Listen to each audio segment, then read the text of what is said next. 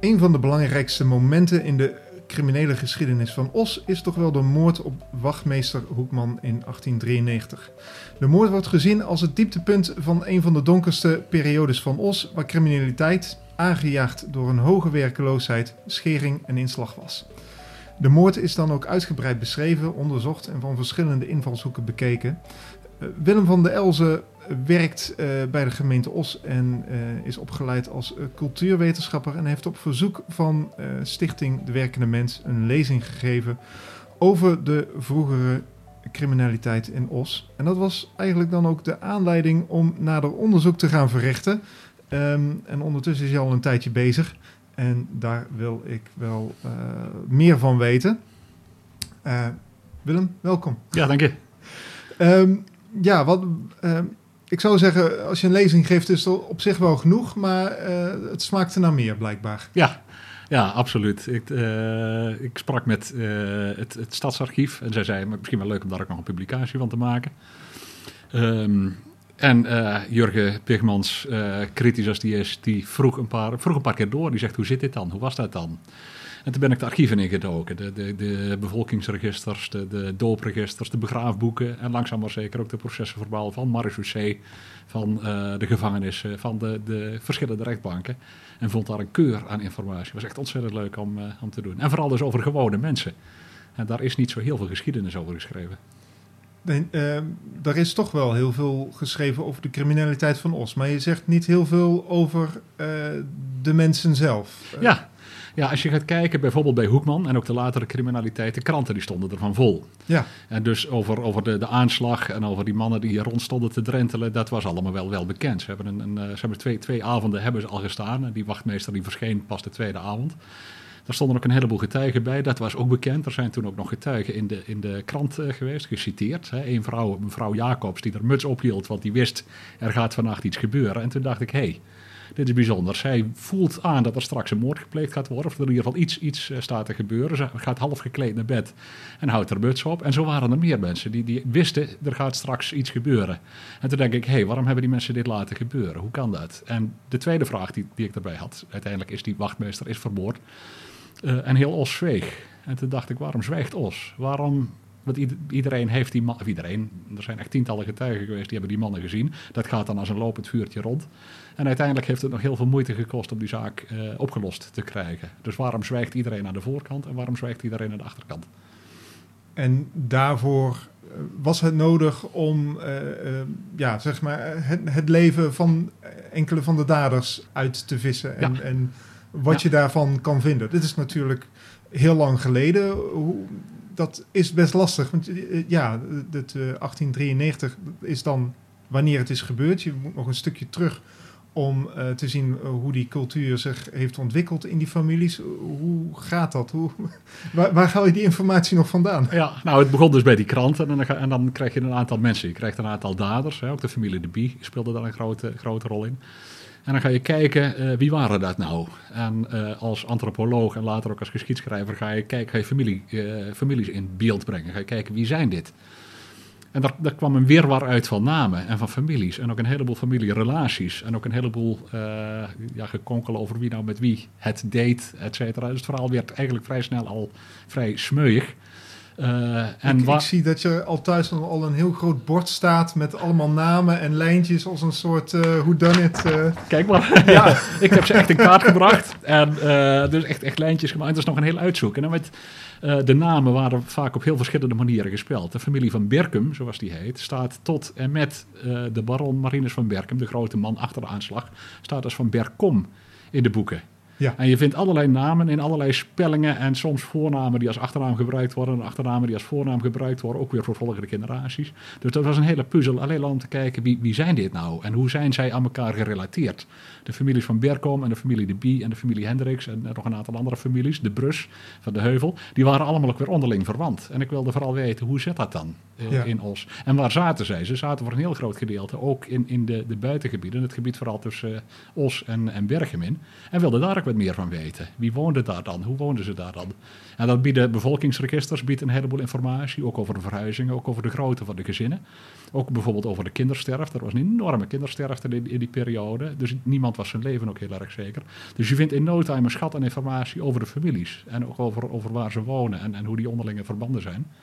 En toen ben ik in de marechaussee-registers gaan kijken, natuurlijk rondom die moord. En ben gaan kijken, is er iets te merken van de aanloop van, van, van die moord?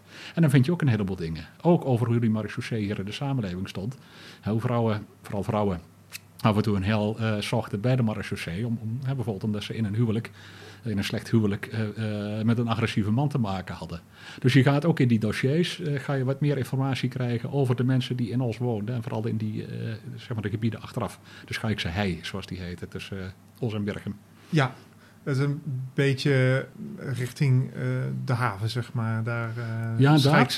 Ja. Ja, daar. En, en eh, verder naar het zuiden toe, Danenhoef. De, de naam Danenhoef bestond al. Hè. De baron die woonde op Danenhoef. Daar had hij een boerderij en daar had hij ook, ook, eh, ook grond eh, gekocht. Ja.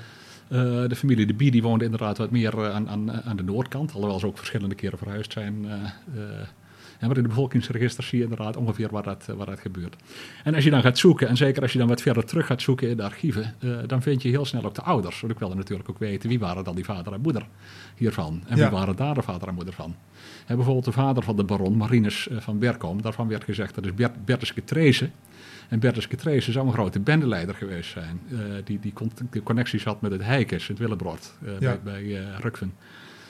En- Nou, dat, dat, Ja. het is inderdaad wel goed, eh, want ik wilde inderdaad eh, focussen op één inderdaad, eh, eh, van die families. Mm. En dan is de, van Berkomst wel eh, de roemruchte, want die familie is zeg maar de aanstichter ook voor de moord op de, op de Ja. marechaussee. Dus da- daar wil ik dan wel ook echt helemaal bij het begin beginnen. Ja. Eh, als dat goed is. Gaan we terug of gaan we vooruit in de tijd? Terug in de tijd. Terug in de tijd. Ja. Nog verder. Eh, want dan komen we uit bij een ene Servatius van Berkom die al geboren is in 1630. Ja, 1630. Als je dan terug gaat zoeken en, en gaat kijken wie, wie kan ik nou allemaal in, in beeld brengen, dan kom ik even via een paar, paar hele grote stappen kom ik, eh, kom ik uit bij een Servatius van Berkom. Daar hoort een leuk detail bij. Er werd altijd gezegd de criminaliteit, overal op het platteland en op een aantal andere plekken, dat waren heel vaak zwervende soldaten. Dat waren huurlingen, dat waren vreemdelingen, werd vaak gezegd. Dat zijn geen mensen van ons, want die doen zoiets niet. het zijn altijd de vreemdelingen. En dat zie je door de hele geschiedenis heen. En ik vond die Servatius, die, die soldaat eh Servatius van Berkom, die had nog gediend in de nadagen van de, van de 80-jarige oorlog, zoals wij hem noemen. Ja.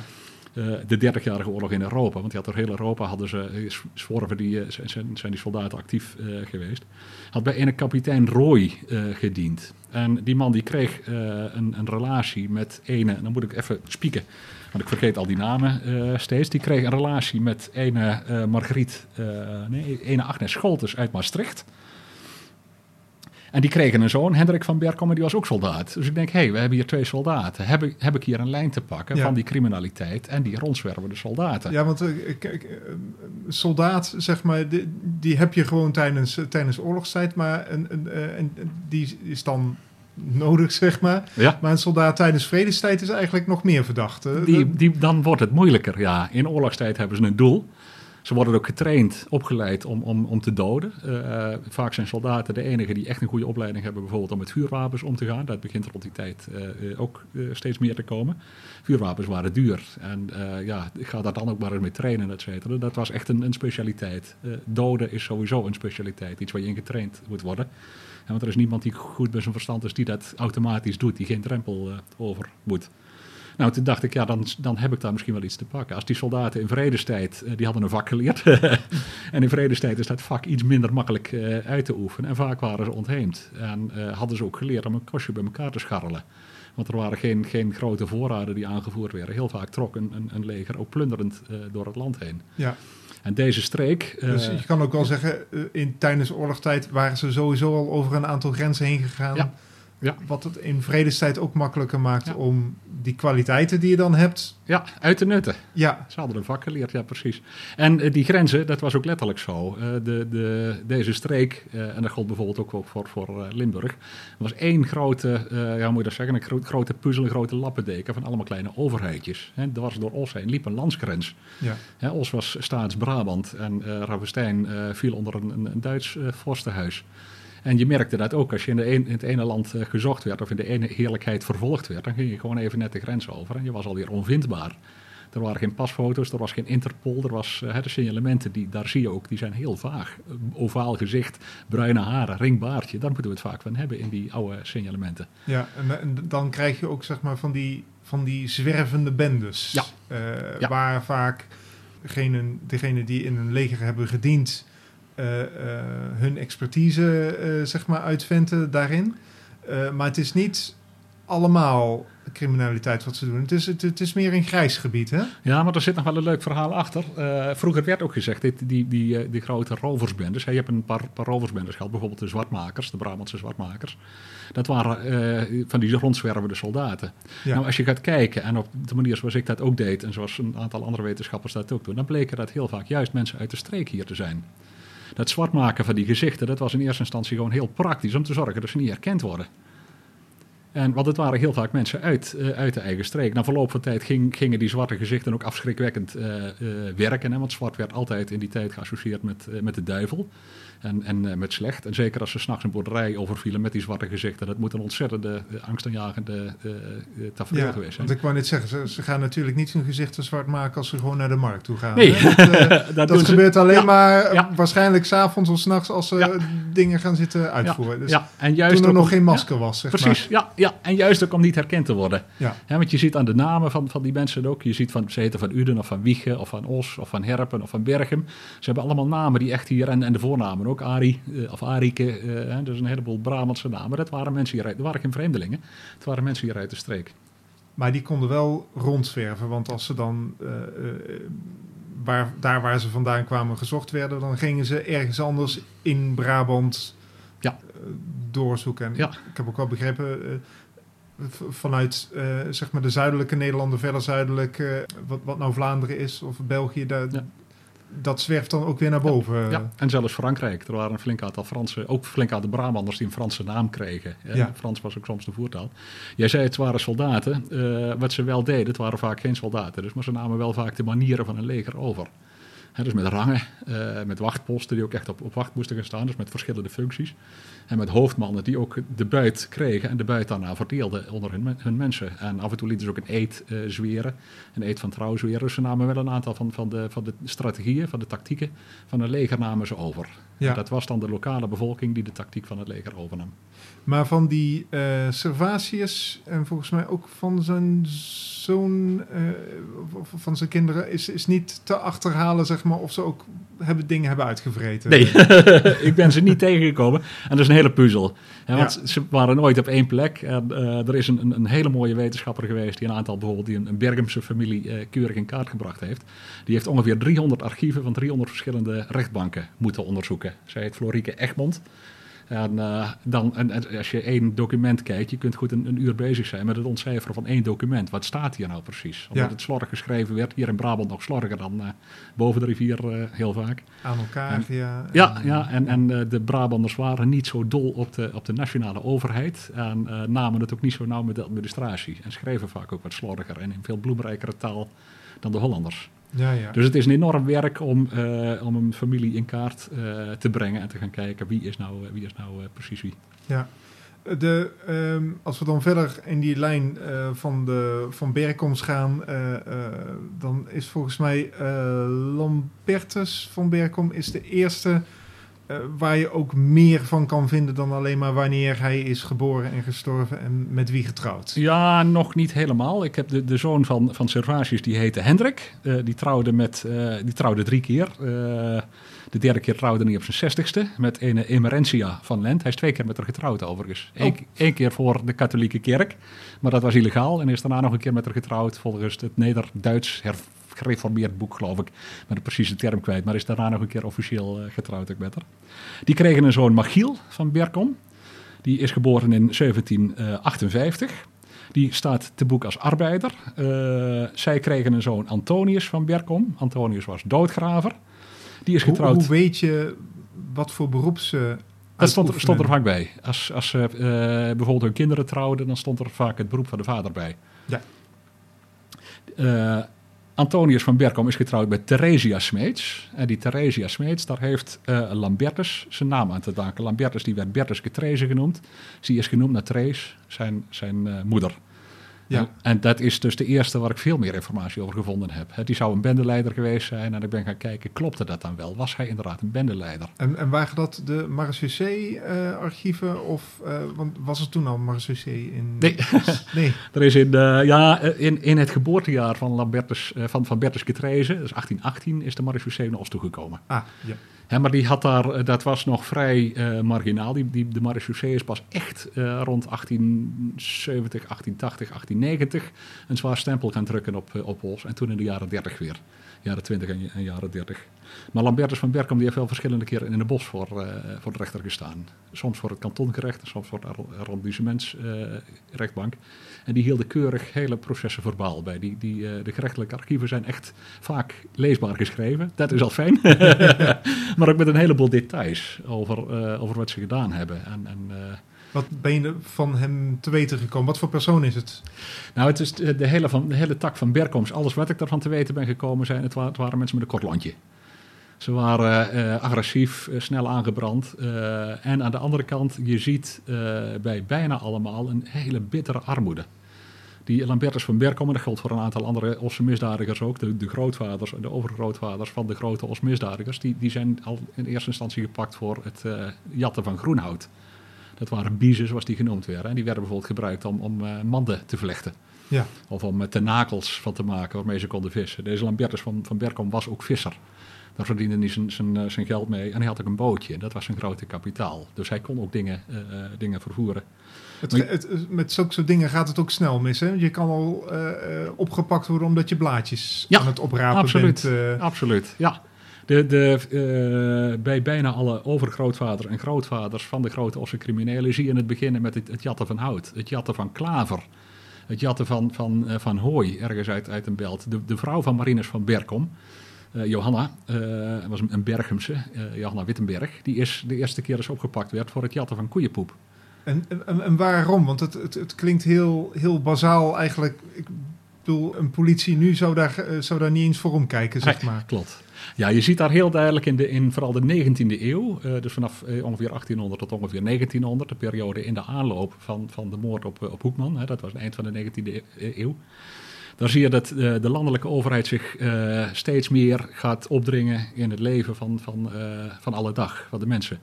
He, bijvoorbeeld in kaart brengen, kadaster bijvoorbeeld, in kaart brengen welke grond van wie is. En als de grond van jou is, dan is het hout daarop, is ook van jou. En dan is de, de koeienpoep daarop, is ook van jou. En de klaver daarop is ook van jou. En op het moment dat je die dan meeneemt, dan ben je aan het stropen. Stropen is niet alleen een konijn en een strikvanger. Stropen was ook het, het, het jatten van koeienpoep en het jatten van klaver. Gewoon alles wat het land opbrengt, wat niet van jou is, dat, daar moet je van afblijven. Ja, vruchten van het veld, zelfs drek, uh, zelfs as. De, de grootvaders van een paar andere criminelen, die waren askramer. Dat wil zeggen dat ze leefden van het kopen en verkopen van as. Ja. Dat vertelt iets over hun manier van bestaan, hè, waar, waar zij van leefden. Een van de aanleidingen is dus zeg maar dat, dat, dat Nederland steeds meer georganiseerd wordt en steeds af, meer afgekaderd van wat wel en wat niet mag. Ja. Maar dat weten ze toch? Dus waarom, waarom doen ze dat?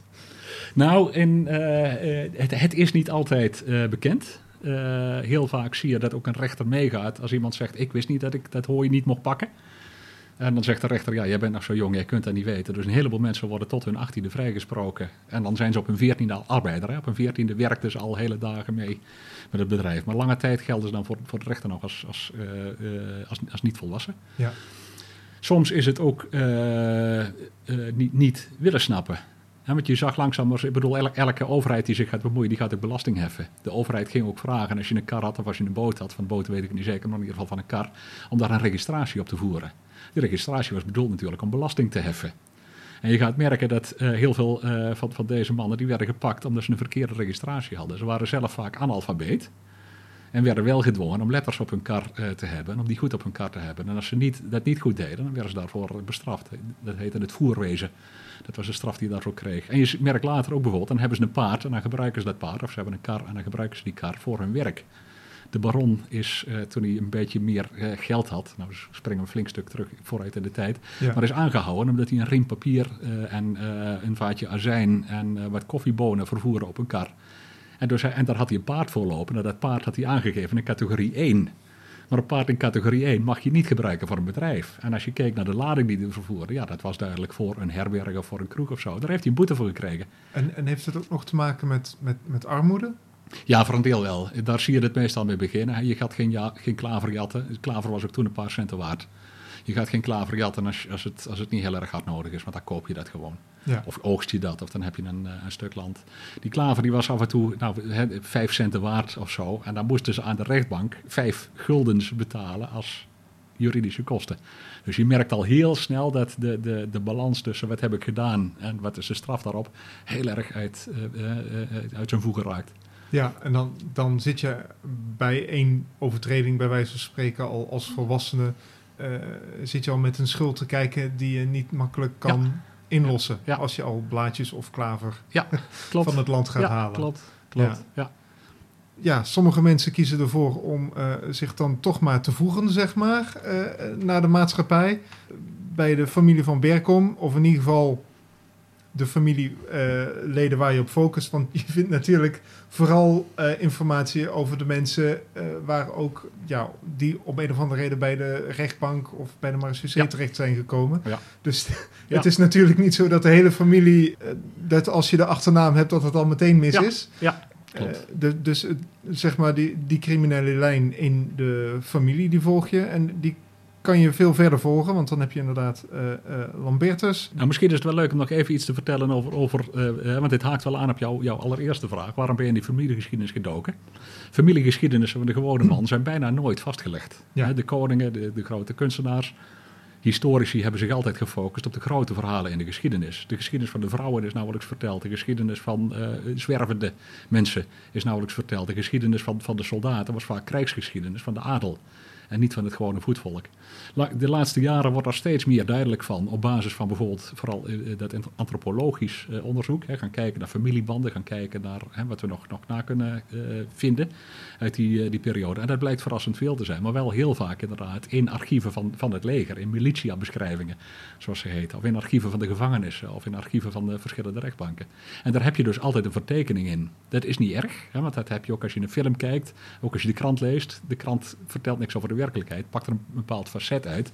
Vooral de sensationele kant. En zelfs je geheugen werkt zo. De, dingen die, de, de, alledaagse dingen die vergeet je. De bijzondere dingen die onthoud je. Het is uiteindelijk een work in progress. Je, je moet het doen met de informatie uh, ja. die je hebt. Ja, en je moet je ervan bewust zijn dat dat uh, vertekent. He, ik heb een beeld van, van de baron en zijn familie als een heel agressieve familie. En het kan best zijn dat het ook een hele joviale familieman geweest is. Of een, een, een gezelligheidsman met een kroeg. Hij had een kroeg uh, tussen ons en, en Berchem. Dat, he, dat stuk kwam niet in de boeken. Ook omdat vooral politie en nog, nog veel sterker de marechaussee ook gewoon een enorm vooroordeel hadden tegen deze mensen die daar woonden. Ja. Een uh, vooroordeel, uh, ja, dus op een gegeven moment staan ze natuurlijk bekend. Ja, ja schurken. Uh, marginalen. Mensen die niet meedraaiden in, in de samenleving. Als je in een stad woonde, al van oudsher, vanaf de middeleeuwen, dan was je burger of je was poorter. En dan hield je je aan de mores, aan de afspraken, aan de zeden en normen van die stad. Als je wat meer achteraf woonde, ja, daar waren de zeden uh, en, en, en, en afspraken ja, niet minder streng, maar wel totaal anders. Ja. De stad had een enorm beschavingsoffensief gekregen met bepaalde vaste eettijden. Met het eten met bestek in huizen waar uh, ieder zijn eigen slaapkamer had. In plekken die speciaal uh, toegerust waren om jezelf te wassen of om, om, om je te ontlasten. In heel veel boerderijen was dat allemaal veel losser. Daar kleden die mensen zich om als er één of twee vertrekken waren. En, en, en bedreven de gemeenschap op een plek waar ook de kinderen waren. Ja. Daar werd schande van gesproken. Noord-Brabant is natuurlijk ook een andere regio dan bijvoorbeeld Holland. Ja. Zeg maar. Economisch liep het veel achter. Ja, maar als je het over de, de beschavingsoffensieven had, dat is echt iets wat begonnen is bij de adel. De hogere burgerij heeft de, de manieren van, van leven van de adel overgenomen. Denk aan die vaste eettijden, denk aan het, het gebruiken van bestek, denk aan het gebruik van, van servies en dat soort zaken. En dat is bij die hoge burgerij langzaam doorgecijpeld naar de middenklasse. Ja. En, dus dat, en dat speelde zich voor het grootste deel af in de, in de stad. Of in de, in de, de heerlijkheden, de, buiten, de buitens van de adel, maar ook over de gewone man, hebben. Dan speelde zich dat vooral af in de stad. En in de, de boerderijen was het allemaal, die hadden een, een hele eigen manier om, eh, om hun normen en waarden te koesteren. Die hingen aan hele andere dingen vast. Bijvoorbeeld saamhorigheid was veel belangrijker dan met bestek kunnen eten.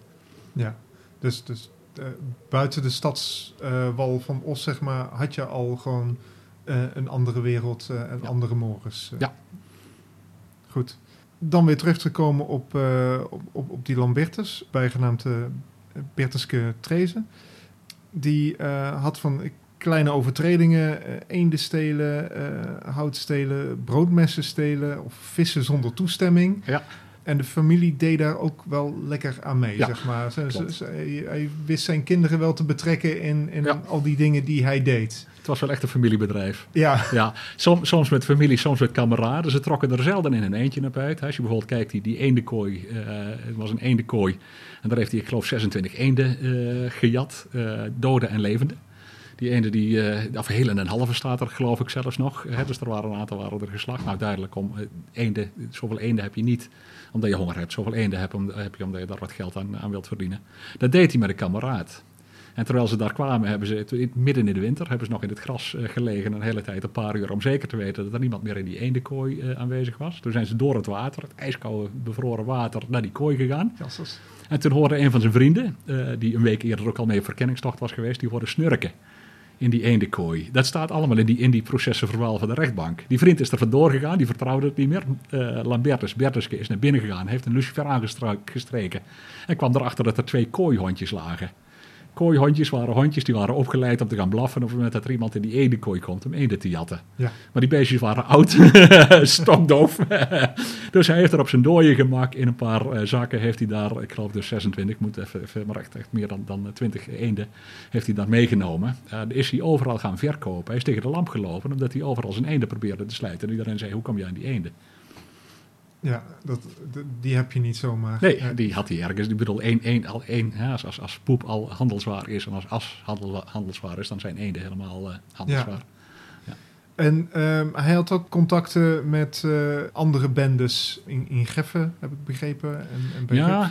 Dat werd gezegd. Eh, Simon van den Berg heeft gezegd: Ik ben overvallen door een bende. En dat was de bende van Bertuske Treese. En ik heb heel veel van Bertuske Treese gevonden. Hè, ook een, een, een diefstal van een paar, paar broodmessen. Waar ik zes jaar voor in de gevangenis, moest, zes jaar in het tuchthuis moest. Zes jaar. Dat is lang, ja, Ja. voor het stelen van, van, van, een, eh, van een paar messen. Ik, ik ben niet zo goed in getallen, dus kan best zijn dat het net wat minder is. Maar echt een aantal jaren eh, vastgezeten. En dus ik heb echt een heleboel dingen van hem gevonden, maar nergens dat hij een bende geleid heeft. Die, Ja. man, die man was een scharrelaar.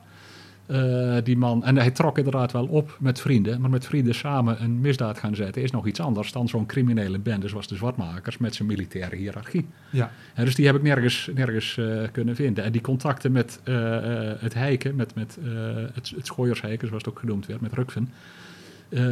dat zou kunnen. Hij had een boot. Er werd over en weer gehandeld. Hij sneed biezen. En dat deed hij ook in dergelijke grote aantallen. Dat daar waarschijnlijk ook manden en zo van gemaakt werden.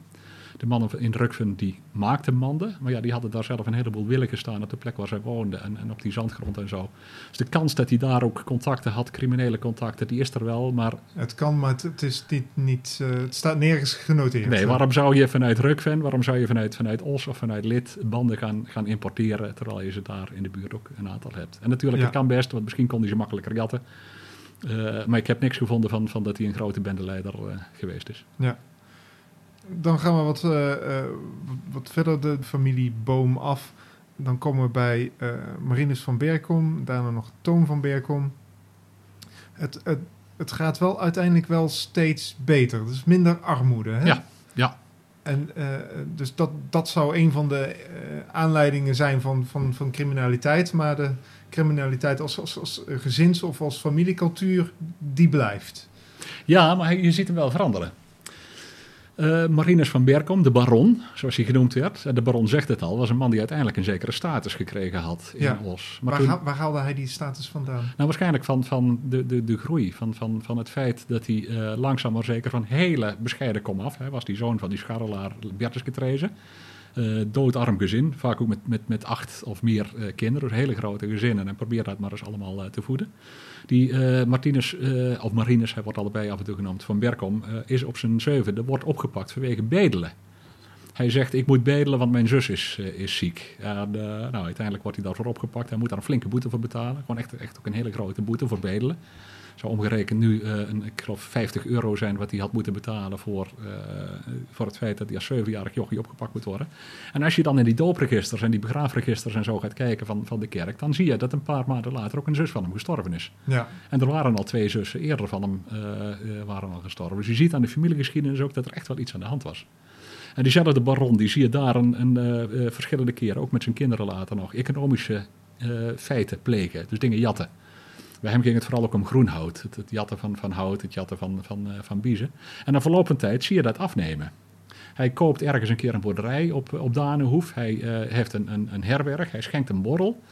Uh, hij, uh, hij, is Kuiper, dus hij maakt ook Kuipen. Uh, de, de, vader werd ook Kuiper genoemd, maar daar heb ik verder geen, geen bewijs van gewonnen. Maar bij Marinus van Berkem ja. zie ik dat hij Kuipen gaat maken. Dat doet hij ook met zijn gezin. Kuipen, waar wordt dat voor gebruikt? Voor de boter bijvoorbeeld en later voor de margarine. De, ja. de, de, fabrieken die hadden verpakkingsmateriaal nodig, toen ook al. En dat werd vaak gemaakt door Kuipers. Maar je ziet na verloop van tijd, dat, uh, dat was een ambacht, hè, het maken, ja. maken van die kuipen. Maar je ziet na verloop ja, dat was ook wel, je was dan nog steeds een, een, een werker, maar het, het, het, dat had wel enige status, ja, zeg absoluut, maar, als je absoluut. kuiper was. Ja, hij was, hij was ambachtsman. Hij had een vak geleerd, en, uh, kon daar goed de kost mee verdienen met zijn kinderen. Hij had knechten. Hij kon knechten betalen, hij kon knechten ook dingen laten doen. Dat zie je ook in die processen verbaal. Hij, hij stuurde mensen erop uit en gaf ze daar dan een paar kwartjes voor, wat een, inmiddels een aardig bedrag is. Uh, voor die tijd. Maar je merkt dat die fabrieken na verloop van tijd zelf hun kuipers in dienst gaan nemen. En een kuiper in een fabriek is een arbeider. Daar zit niet die status aan van, van, van een ambachtsman. Want een arbeider, ja, daar had je er zoveel van. Veel meer dan ambachtslieden in, in het dorp. Dus je ziet daar al iets van, van het verlies van status. En, en, ze, en, ze, en, hij zat nog steeds op het uh, Schijksenveld, hè? Ja, ja, ja. hij heeft voor zover ik weet altijd op Danenhoef uh, en daar in de buurt. Is een paar keer verhuisd. Uh, maar wel altijd, soms woonde hij in Schijk en soms in Bergen. Maar dat is nooit meer dan een paar honderd meter bij elkaar vandaan ja. geweest. Daar had hij ook een paar koeien bijvoorbeeld en wat, wat, wat stukjes land. Ja, dus in die zin altijd in, in nou goed, er zijn natuurlijk ook wat uh, respectabele boeren, neem ik aan. Ja. Maar hij, hij, zat toch altijd in, in, een, in een plek, in een regio, ook samen met een familie, ja. die altijd wel verdacht. Ja, de familie Stond. Wittenberg, waar hij uiteindelijk mee, mee hij is met Johanna Wittenberg getrouwd. Dat was een, een, een echte Bergemse familie. Tot uh, pakweg 1880 zie je die naam echt alleen maar in, in, in Berchem opduiken. En als je dan gaat kijken naar de gevangenisregisters, dan zie je enorme aantallen Wittenbergs in de gevangenisregister staan. Van Berkoms viel nog wel mee in die periode, maar Wittenberg was echt een hele uh, uh, beruchte familie in die tijd. Berchem had meer hele beruchte families. Hè? Van Bergen-Teunissen, van Beuken-Teunissen. Dat was ook een hele beruchte familie. Dat was een zwartmakersfamilie, dat is al veel verder terug in de tijd. Maar je ziet dus dat uh, je hebt wel een cultuur op, op, op Schaikse, Schaikse veld. Ja. En wat je na verloop van tijd gaat zien, is dat hij uh, langzaam maar zeker daar wat status uh, begint te krijgen. En die status ook kwijtraakt. En hij gaat de kost verdienen met, ook met jagen. Dat is hij blijven doen. Vader was, was visser. Marinus was veelbergjager. Dat werd vaak ook stropen genoemd, alhoewel hij zelf heel vaak een jachtvergunning had. En je merkt in dat jagen verschillende keren dat hij een clash krijgt met, met de overheid. Dat, hij, uh, dat marechaussee op de hielen zit. Want je dat, moet ook daar weer een vergunning ja, voor hebben. Ja, en die had hij zelf wel. Maar dan ging hij met vijf man jagen. En daar zaten vaak ook Wittenbergs uh, bij. En dan had er eentje had geen vergunning. En dan gingen ze daar heel moeilijk over doen. En dan waren ze bijvoorbeeld een drijfjacht aan het doen. En, dan, en dat liep een paar keer flink uit de hand. Je ziet de marechaussee de zaak ook echt uitdagen in een aantal gevallen. Je ziet uh, bijna, schiet maar. Joh, ja. kom maar eens op. Want er waren natuurlijk wapens. En die wapens die waren nodig. En de rechter ging daar niet altijd in mee. Er is één keer is hij beschuldigd van een uh, Union Armee. Een, een, een gewapend uh, zich samenklonteren een gewapende samenzwering. En daarvan zegt er nee, joh, uh, dat geweer had hij gewoon nodig voor, voor zijn vak, om te kunnen jagen. Maar je ziet dus wel, met dat wapen in de buurt gaat het, gaat het steeds grimmiger worden. Ja, als je, als, je, als je jaagt met een aantal mensen, dan vorm je eigenlijk al een gewapende groep. Dat, ja, dat, precies. dat was de zaak. Precies. En hij had uh, vergunningen. Iedereen wist dat hij jager was. Maar je ziet op een gegeven moment ook, ook een agent die een konijn, ze vervoeren een konijn en een haas. En die proberen dan dat konijn uit die handen te trekken. Ik heb daar een beeld bij, bij hoe dat dan gebeurt. En ze proberen een van die drie mannen uh, proberen ze vast te pakken. Er was nog een van den Elzen bij. Geen familie van mij, maar vond wel leuk om te zien. En die uh, wordt vastgepakt door uh, een paar agenten en, en, die rukken ze dan ook uit hun handen. Dus je ziet ook in die processen verbaal dat die sfeer grimmig begint te worden. Het, het wordt gewelddadig. En de marechaussee is, vermoed ik, zijn, zijn vaak mensen niet uit Os. Ja, Dus- klopt. Ja. Je had veldwachters. En veldwachters waren in een aantal gevallen gewoon echte schooiers. Die, die deden net zo hard met de criminaliteit mee als, als alle anderen. Door de hele geschiedenis heen en ook door heel Brabant heen. En, en waarschijnlijk in de rest van Nederland ook regelmatig. Maar de marechaussee die hadden een heel ander soort eh, discipline. Marechaussee was heel goed opgeleid, wa- was militair opgeleid. eh, heel streng, met een hele strenge discipline. Een mooi verschil tussen politie. En je had veldwachters, je had politie. Politie was nog net iets anders dan, dan, dan de veldwachters. En je had de marechaussee. Bij een politieprocesverbaal zie je nog wel eens ooit wederspannigheid staan. Dat betekent dat iemand zich verzet. En dan wordt dat in het procesverbaal opgenomen en dan is dat een verzwarende factor als je voor de rechter komt. Bij de marechaussee zie je dat nooit. En ik dacht, waarom zie je hier nooit die wederspannigheid? En even later kwam ik daar tegen. De marechaussee, als die wederspannigheid tegenkomt of verzet tegenkomt, dan maken ze er een einde aan met de kolf van hun karabijn. En dat gaat echt met, met, met grof geweld. Ja. En ze zeggen, dan zou het niet sportief zijn om het dan nog in het procesverbaal te zetten. Ja, ze, de straf hebben ze al gehad. Ja, Ja. ja. wij hebben die wederspannigheid gewoon de koppen geslagen, letterlijk. En, en kan je ook zeggen dat de marechaussee vaak ook van boven de rivieren Ja. komt? Maar de chaussee mengde zich veel minder dan, dan politie in, eh, eh, in het, het lokale leven. Je ziet agenten nog regelmatig ook in, in herbergen zijn en daar af en toe ook een clash krijgen. Je ziet op een moment ook, ook ruzies waarin Marines van Berkem een stoel kapot slaat. Eerst op een kachel en dan op een agent. Ja. en dus je, je- dat, dat gebeurt eh, veel vaker. Maar marechaussees die gingen s'avonds naar de kazerne. En die mengden zich nauwelijks. Die spraken Hollands, die spraken Nederlands. Politie en vooral veldwachters, die spraken Ossies. Je ziet dat de, de politie ook veel meer eh, ja, meedoet met de lokale zeden, de lokale normen. En de marechaussee houdt er echt Hollandse normen op, op na. En ook, Ja. ook strikt, bijvoorbeeld protestants. En dat was ook een groot verschil. De politie was heel vaak katholiek en de marechaussee was protestant. Dus het was ook echt, eh, eh, vanuit het, het oogpunt van de bergkomst gezien, was het ook echt, zeg maar, een, een, je kon echt wel een vijandbeeld opbouwen. Ja, absoluut. Ja, absoluut. En dat was al heel lang, hè, want die marechaussee die is dus in, in heel vroeg in de 19e eeuw naar Os toe gekomen. En in die tijd was Os eigenlijk, eh, of heel Brabant, eh, was eigenlijk voor een groot gedeelte nog een wingewest. Het was een soort van kolonie van, van Holland. En waar wel belastingen uitgehaald werden, waar wel, wel oogsten uitgehaald werden, maar waar heel weinig terugkwam aan bijvoorbeeld veiligheid of aan bijvoorbeeld infrastructuur, wegen en allerlei andere voorzieningen. Ja. Ja, dus dat was, eh, de Hollanders werden echt gezien als een soort bezettingsmacht in Brabant. En, en, en dat is ook de aanleiding voor het neerschieten van eh, Hoekman. marechaussee. De- de- de- dit bouwt op, Ja, zeg het, maar. het hele bekende verhaal is het briefje van Hoekman. Hè, Hoekman die kwam hier om die Osse criminaliteit aan te pakken. Als Hollander, als bezettingsmacht, als, als man met uniform, met blinkende knopen. Hij wordt ook letterlijk eh, een, een, een man met gouden knopen genoemd. Als ze op hem gaan schieten, dan zegt iemand, daar heb een haas. Een vrouw die toevallig voorbij komt. En dan zegt zijn broer, ja, maar ik wil deze haas niet. Ik wil een haas met blinkende knopen hebben. Dat was Hoekman. Dat verhaal is bekend. Iedereen weet dat Hoekman die kwam hier de criminaliteit op, eh, oplossen. En Hoekman die zei, eh, ook tegen de, de, de industriëlen... joh, dat is, dat is een, een of die zit daar tegenaan. Zolang hij met mij niet gepraat heeft over de criminaliteit... moet je die geen werk bieden. Dus er was een enorme eh, werkloosheid binnen bepaalde families. Families die toevallig een verkeerde achternaam hadden. Zoals de Van Berkom, zoals de De Bies. Zoals een aantal van de Heuvels die dan de Brus genoemd werden. Een aantal andere. En als die een verkeerde achternaam hadden, dan kwamen ze ook niet meer aan het werk. En je merkte dat het economische, er was heel veel armoede, maar het economische was wel een hele belangrijke trigger. Maar ik denk dat een tweede hele belangrijke trigger geweest is, het waren, het waren mensen van buiten. Het waren buitenstaanders die, die zich niet inleefden in wat er hier in Os eh, gebeurde. En ook de, de stedelingen, de stadse Otsenaren, die wisten nauwelijks wat er gebeurde op dat Schaikse veld. Dat was vreemd volk, dat was ver weg, moet je vooral erg ver van je vandaan houden. Ja, dus aan beide kanten, zeg maar, kenden ze elkaar niet goed. Nee. Nee, er waren echt, als een burgemeester het in de jaren 30 nog heeft over de criminaliteit, dan zegt hij, dat zijn geen Ossenaren. Terwijl ik dus erachter gekomen ben Hmm. van al die families, dat ze zeven, acht generaties lang in Os gewoond hebben. Maar hij disqualificeert ze. Hij zegt, Ossenaren doen dit niet. Dus dit zijn geen Ossenaren. En dat ging echt heel erg ver. Dat was echt... Wat zijn ze dan wel? ja, mensen van buiten. Vreemdelingen, zwarte. Ze werden vaak ook zwarte genoemd. Hè, want dat, is, dat zie je door de hele geschiedenis heen ook. Als het gedisqualificeerd werd, dan werd er nadruk gelegd op dat ze een donkerdere huid hadden. En dat was voor een deel was dat ook echt zo. Ze werkten vaak buiten boer, en op het land, buiten. precies, en hadden een wat donkerdere huid. Er zaten in, in die oude bendes zaten ook regelmatig eh zigeuners met een wat donkerdere huid.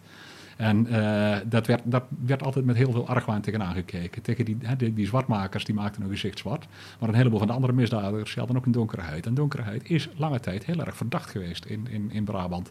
Daar werd, onze discriminatie komt ergens vandaan. Van die beelden van, ja, dat zijn mensen die je niet horen. Maar je hebt ook gewoon boeren die hun land doen en die komen ook in het dorp. Maar die zijn natuurlijk ook donkerder eh, in, in de zomer. Ja, klopt. Het is ook niet zo dat alles wat een donkere huid had eh, eh, eh, gediscrimineerd, per se gediscrimineerd werd. Maar het, werd, het was wel moeilijker. Je kon van een verkeerde familie zijn. Ja, het, was wat meer verdacht. Ja, precies. Hoekman, die, je zei het al een beetje, die hield er wel wat tactieken op na. Want hij zorgde ervoor dat als, als je niet goed lag bij Hoekman of je zei niet de dingen die je moest zeggen of verklaren, dan zorgde hij ervoor dat je niet ergens kon werken. Ja. En er was ook nog niet zoiets als een uitkering. Nee. Klopt. Nee.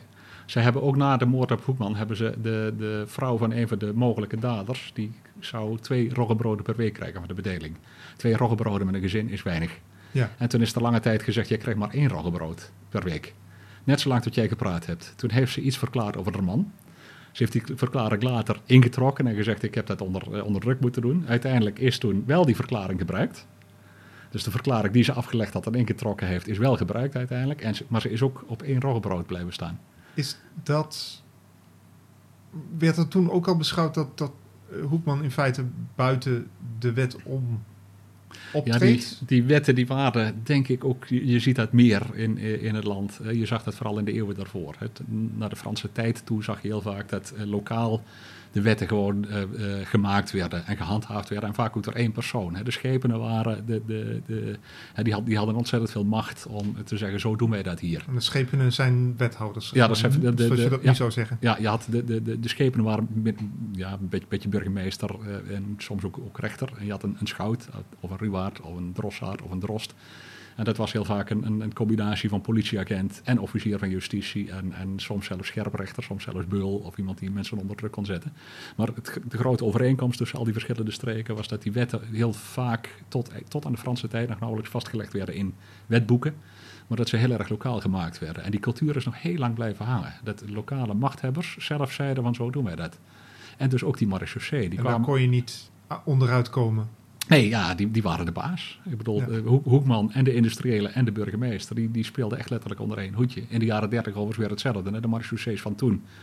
En, en eh, de burgemeester en politie die zijn het op een gegeven moment ook wel heel erg oneens geworden, hebben grote ruzie gekregen onderling. Maar in de onderdrukking van, van de samenleving, van de armeren, van de boeren en de arbeiders, hebben ze wel heel erg eh, samen, samen opgetrokken. De Van Bergenkomst die kwamen steeds meer in het gedrang Ja. door eh, de marechaussee en in het bijzonder Hoekman. Ehm, Ja, maar daarvoor ook al wel. Want je ziet een aantal clashes ook met politie en ook met, met, eh, met marechaussees. Bijvoorbeeld bij dat jagen en zo. En je merkt dat hij, hij, hij ga, ik kan me heel erg voorstellen dat hij heel erg boos geworden is op alles wat Hollands was. Of alles wat overheid was. Je ziet dat nu ook weer in de samenleving op een aantal plekken. Nou, je zag dat bij Hoekman zag je dat ook, ook gebeuren. Je zag zijn agressie toenemen. Hij hoefde niet meer te stelen, want hij had, geld genoeg. En je ziet hem dus ook niet meer voor economische misdrijven eh, veroordeeld worden, maar wel voor agressie. En je merkt dat in de laatste maanden dat hij ook steeds, steeds bozer, steeds... eh, hij, hij vernielt eh, erven van, van mensen. Hij slaat ruiten in. Hij, hij komt parties crashen. En slaat mensen overhoop en steekt mensen overhoop samen met zijn zoons. Die al vanaf hun, hun twaalfde, achtste, achtste, negende, tiende, elfde, twaalfde met pater optrokken. Als hij zo tekeer ging in, in de buurt. Omdat hij in feite... Hij verdiende nog wel gel- geld, maar hij zag toch wel zijn wereldje in elkaar zakken. Ja, je, je merkt dat het mooist, ook bij zijn vrouw, Johanna Wittenberg. Je merkt een paar keer dat er een enorme clash zit op het moment dat marechaussee, eerst politie, maar later ook marechaussee, op zijn erf komt. Dan gaan ze een duidelijke grens over. Wacht even, dit is van mij, hier hebben jullie niks te maken. En dat, dat zegt hij ook letterlijk zo. Eh, normale mensen die, die, die komen niet zo op een erf, ze komen op een gegeven moment een dagvaarding brengen. En hij gaat er achteraan met zijn zoons. En hij maakt echt een heleboel amok, wordt dan later ook voor, eh, eh, voor de rechter gedaagd. En je ziet dat bij Johanna nog, nog veel duidelijker. Op een gegeven moment komen ze onderzoek doen naar gestolen hout of gestolen vis. En ze komen op het erf. En Johanna eh, Wittenberg, de vrouw van, van, van de baron, je merkt dat ze wit heet wordt. En een mes pakt en een plank pakt. Ze slaat op een gegeven moment een van die marechaussees met een plank. Dan gaan die marechaussees gaan naar haar moeder, die een paar huizen verderop woont. Of een, klein stukje verderop. En dan gaat ze er met een mes achteraan. En, en ook de taal, smissers, was een, een, een scheldwoord wat ze toen, eh, toen gebruikten. En zo. Het is allemaal in geuren en kleuren beschreven in die, in die processen verbaal. Maar je merkt keer op keer, op het moment dat die marechaussee een, eh, op het erf komt, eh, op hun eigen grondgebied komt, dat dan de woede heel erg groot wordt. Je kon ook lezen in de procesverbalen dat het Hoekman ook niet zo makkelijk afging, zeg Ja. maar. De, de stress groeide daarin ook. Ja, daar is een heel mooi voorbeeld van. Hij is vermoord in eh, eh, maart, eind maart 1893. Op eh, 14 februari daarvoor, begin van de vaste tijd, is er een hele roerige vastelavond, zoals dat heette. De, de, de, de carnavalsavond, de, de dinsdag voor als woensdag. En dan eh, gebeurt er van alles in een kroeg. Er worden mensen, er wordt iemand, iemand gestoken, die, die bloedt bijna dood. Er is net op tijd een dokter bijgekomen die dat eh, verholpen heeft, et cetera. En niemand durft aangifte te doen. En je merkt dat Hoekman, die maakt zelf die processen verbaal daar. Hij besteedt in procesverbaal nummer 55 maar liefst eh, vijf pagina's aan een voorval in een kroeg. Alle, alle getuigen, de mensen die die allemaal gehoord heeft, en dan in, een, in, een, in, in zijn eigen handschrift. En je merkt dat dat handschrift steeds slordiger gaat worden. En dan staat er op een gegeven moment in het laatste stukje van de hand- handschrift staat, ik heb hem opgeroepen, maar hij is nog niet verschenen. Wordt vervolgd. En zes weken later, eh, vijf weken later, eh, kleine vijf weken later, eh, legt hij daar een verklaring over af. En nog weer een week later is hij dood, is hij vermoord. En je, leest, als je die, die teksten dan van hem leest, dan, dan lijk je in zijn handschrift, dat is misschien ook verbeelding, maar ik lijk in mijn handschrift iets te lezen van, ach, laat ook maar. Er komt iets van, van, van, van ja, ik zal niet zeggen berusting in, maar, maar woede. Van, van, van, van, hoe kan ik dit nou ooit de kop indrukken? Hem is nog wel aangeboden om overgeplaatst te worden. Ja. Dat heeft hij geweigerd. Iedereen in Os, inclusief Hoekman zelf, wist eh, dat er iets aan zat te komen. Zijn collega Brunius, die zegt ook, wachtmeester, dit wordt je dood. Dat is een bekend citaat, is een paar keer eh, teruggekomen. Dus iedereen voelde het wel aan. Maar ik denk dat dat zijn eer te na was. Zoals de, eh, de baron zijn eer had met zijn familie. Je komt hier mijn erf. Had Hoekman ook zoiets van, ja, maar ik laat mij hier niet zomaar wegjagen. Ik laat mij niet zomaar... Het grappige is, op het moment dat hij vermoord is, dan hoor je een schot. eh, op, op, op, de, op de avond van, van de moord. En je hoort even later vuur en dan nog een schot. En dan nog een schot. Er zijn drie schoten geweest in totaal. Die laatste twee zijn zwakker geweest dan het eerste. Het eerste is waarschijnlijk het jachtgeweer geweest. Met, met grove hagel nummer 0. Dat was- niet Van Berkom zelf die schoot. Dat Dat, was... De eerste was waarschijnlijk eh, Gijp, eh Gijs Bertens van, eh, van Gelder. de, de man die uiteindelijk levenslang gekregen heeft voor de moord op Hoekman. De tweede is waarschijnlijk Hoekman geweest, zelf. En die heeft zichzelf eerst het commando gegeven, vuur. En pas toen heeft hij geschoten. En ik denk dat dat ook iets te maken heeft met de eer van, die, van, van de marechaussees. Je schiet niet zomaar. Je moet daar eerst een commando voor krijgen. En dus nou eens geef je jezelf dat commando. En toen is er een, een derde schot gekomen. De wachtmeester is gevallen, heeft nog wat gegorgeld. Er zijn toen getuigen bijgekomen. De eh, gijp is weggestrompeld. eh, had een was schaamschot. geraakt. Ja, hij was geraakt aan zijn enkel. Hebben ze later ook gezien. En hij probeerde allerlei smoezen te verzinnen waar die wond vandaan kwam. Maar iedereen zei: nee, joh, dit is echt een schaamschot. En het is. De, de, de datering stemt overeen met de avond waarop Hoekman vermoord is. Op basis van dat bewijs en een aantal andere bewijzen is hij ook, vermoord, of is hij ook veroordeeld later. Ja, en het derde schot? Het derde schot, dat, eh, het is geen jachtgeweer geweest, denk ik. Want het was echt een veel zachter schot. En dat zie je op verschillende plekken terug. Dus het zou mij niet verbazen. Er is later ook nog gezegd, ook door, eh door Gijp zelf. Die zegt, ik heb hem uiteindelijk niet vermoord. Dat heeft de baron gedaan, de baron junior. En de baron junior was Toon van Berkom, de zoon van Marinus. Toon was toen 22, was de jongste van, van, de, van de mensen die daar, eh, die daar stonden. Ja, even, voor de duidelijkheid. Beide Berkoms die stonden daar eh, de eh, Hoekman op te wachten. Ja. Vader en zoon. Ja, nee, nee, vader trok echt van achter de schermen aan, aan, de, aan de touwtjes. Zoon heeft zich echt een paar keer ermee bemoeid, maar hij is overal zijn alibi op gaan halen. Ja. Dus die heeft zich op allerlei plekken laten zien, op het station, in verschillende herbergen, om vooral maar te laten zien, ik ben niet op de heuvel. En de, twee die daar, eh, de drie die daar stonden, dat was eh, Gijp, hè, de man die uiteindelijk met dat jachtgeweer eh, geschoten heeft. Een man met een slap zwart hoedje, zo wordt hij omschreven. En twee broers van de Bie, Sis de Bie en Piet, Piet de Bie. En ja, de baron die moest daar helemaal buiten blijven en zijn zoon moest daar ook buiten blijven. Die hebben echt van, vanaf een afstandje geprobeerd om die moord te dirigeren. Dat zie je aan alles. En waarschijnlijk is de derde, nee waarschijnlijk, ik vind het voorstelbaar dat het derde schot door Toon van Berkom gelost is. Dat hij het uiteindelijk toch nog afgemaakt heeft en gedacht, joh. Dat hij toch nog in de buurt genoeg was. Ja, want hij heeft, heeft ze wel gewaarschuwd. Daar komt Hoekman. Hij, was wel, hij, hij, hij hield wel steeds contact met die drie. Ja. Ehm, en toen zijn ze gewoon het land maar uitgevlucht. Ja, niet allemaal. Toon, Toon is opgepakt vrij snel daarna. Er is nog gezegd, eh, de Hoekman is nog opgegraven en er is gezegd dat was een ritueel. De krans die op zijn graf lag is nog met poep besmeurd. En dat is een soort van rituele, eh, hoe moet je dat zeggen, on- on- ontwijding geweest. Of rituele eh, verbanning geweest, et cetera. Maar waarschijnlijk is dat, dat lees je ook in, in getuigenverslagen terug. Waarschijnlijk heeft de baron senior heeft daarmee zijn zoon willen vrijpleiten. Die zoon die was vrij snel opgepakt. minstens één van de debies was vrij snel opgepakt. en toen heeft de baron gezegd: Wij gaan zorgen dat onze toon en die ene debie uh, zo snel mogelijk vrijkomen. Wij laten zien dat de daders nog vrij rondlopen. Dus dan hebben ze de kist van, van Hoekman hebben ze opgegraven. Daar is de baron zelf bij geweest. En daar is een van de andere debies uh, bij geweest. Daar zijn ook getuigen van, die hebben ze zien lopen op het kerkhof. En toen hebben ze de kist naar boven willen halen. Maar, en ze hadden de, de deksel ingetrapt, maar die kist wat erin lag stonk zo ontzettend dat ze het niet hebben kunnen. ze hebben het gewoon in het graf laten liggen. Maar intussen was dat graf wel, wel beschadigd. Het is waarschijnlijk een, een, een doodordinaire afleidingsmanoeuvre geweest. Dus niks ritueel uh, uh, ontwijden, beschadigen of wat dan ook. Het is waarschijnlijk een afleidingsmanoeuvre geweest. We, zijn er weer helemaal terug, teruggewerkt naar de moord. Naar de moord. Ja. hoe is het verder in, in het kort? Hoe is het verder met die familie afgelopen? Ja, nou, je, op een dus, gegeven moment. Ja, ja. Dat was heel leuk. Toon is opgepakt. die heeft tien jaar gekregen.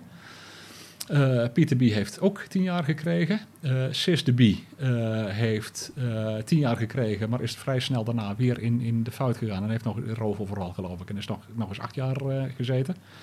En Gijp, die kreeg levenslang. die is na een flink aantal jaren heeft hij gratie gekregen en mocht, mocht hij ook weer weg. De, de, de, baron die was intussen gevlucht naar Noord-Dakota. Die heeft uh, een paar familieleden, waaronder andere Toon, die in de gevangenis zat, zijn zaakjes laten afsluiten. Dus zijn land en zijn boerderijen verkopen.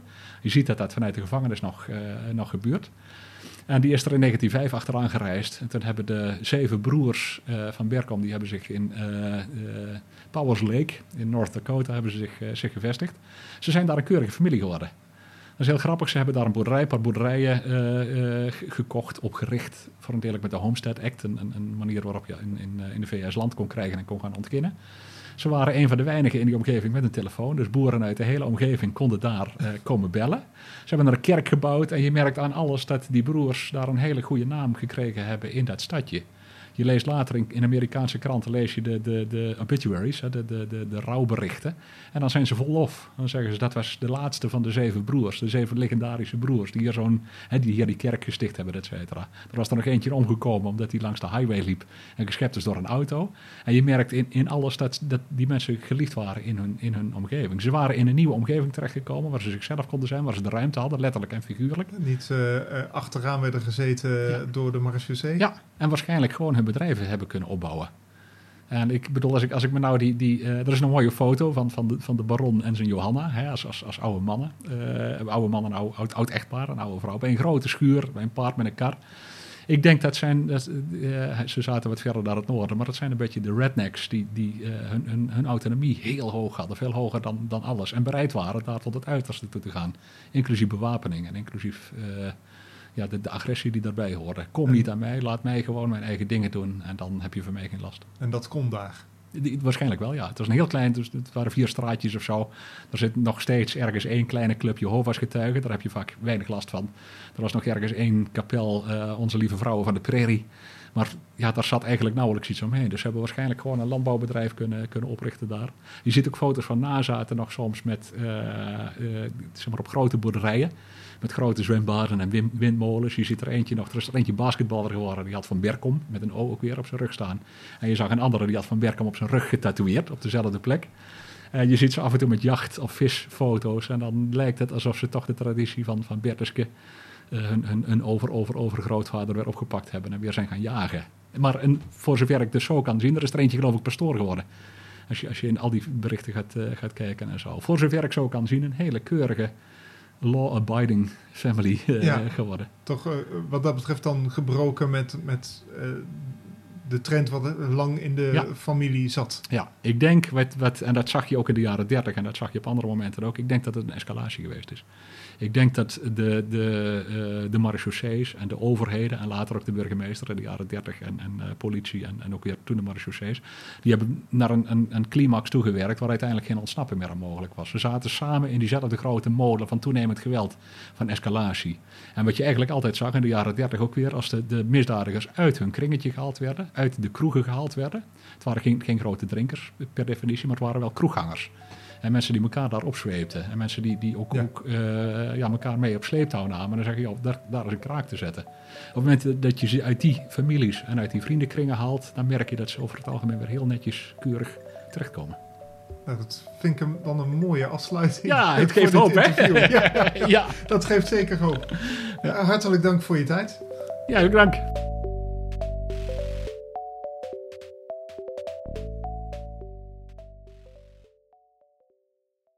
Hey, hallo. Leuk dat je deze aflevering helemaal tot het einde hebt beluisterd. Eh, nog meer afleveringen kan je vinden op www.derestisgeschiedenis.nl.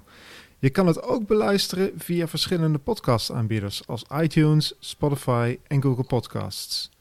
Als het mogelijk is om bij je aanbieder ook een review achter te laten, dan wordt dat zeer gewaardeerd.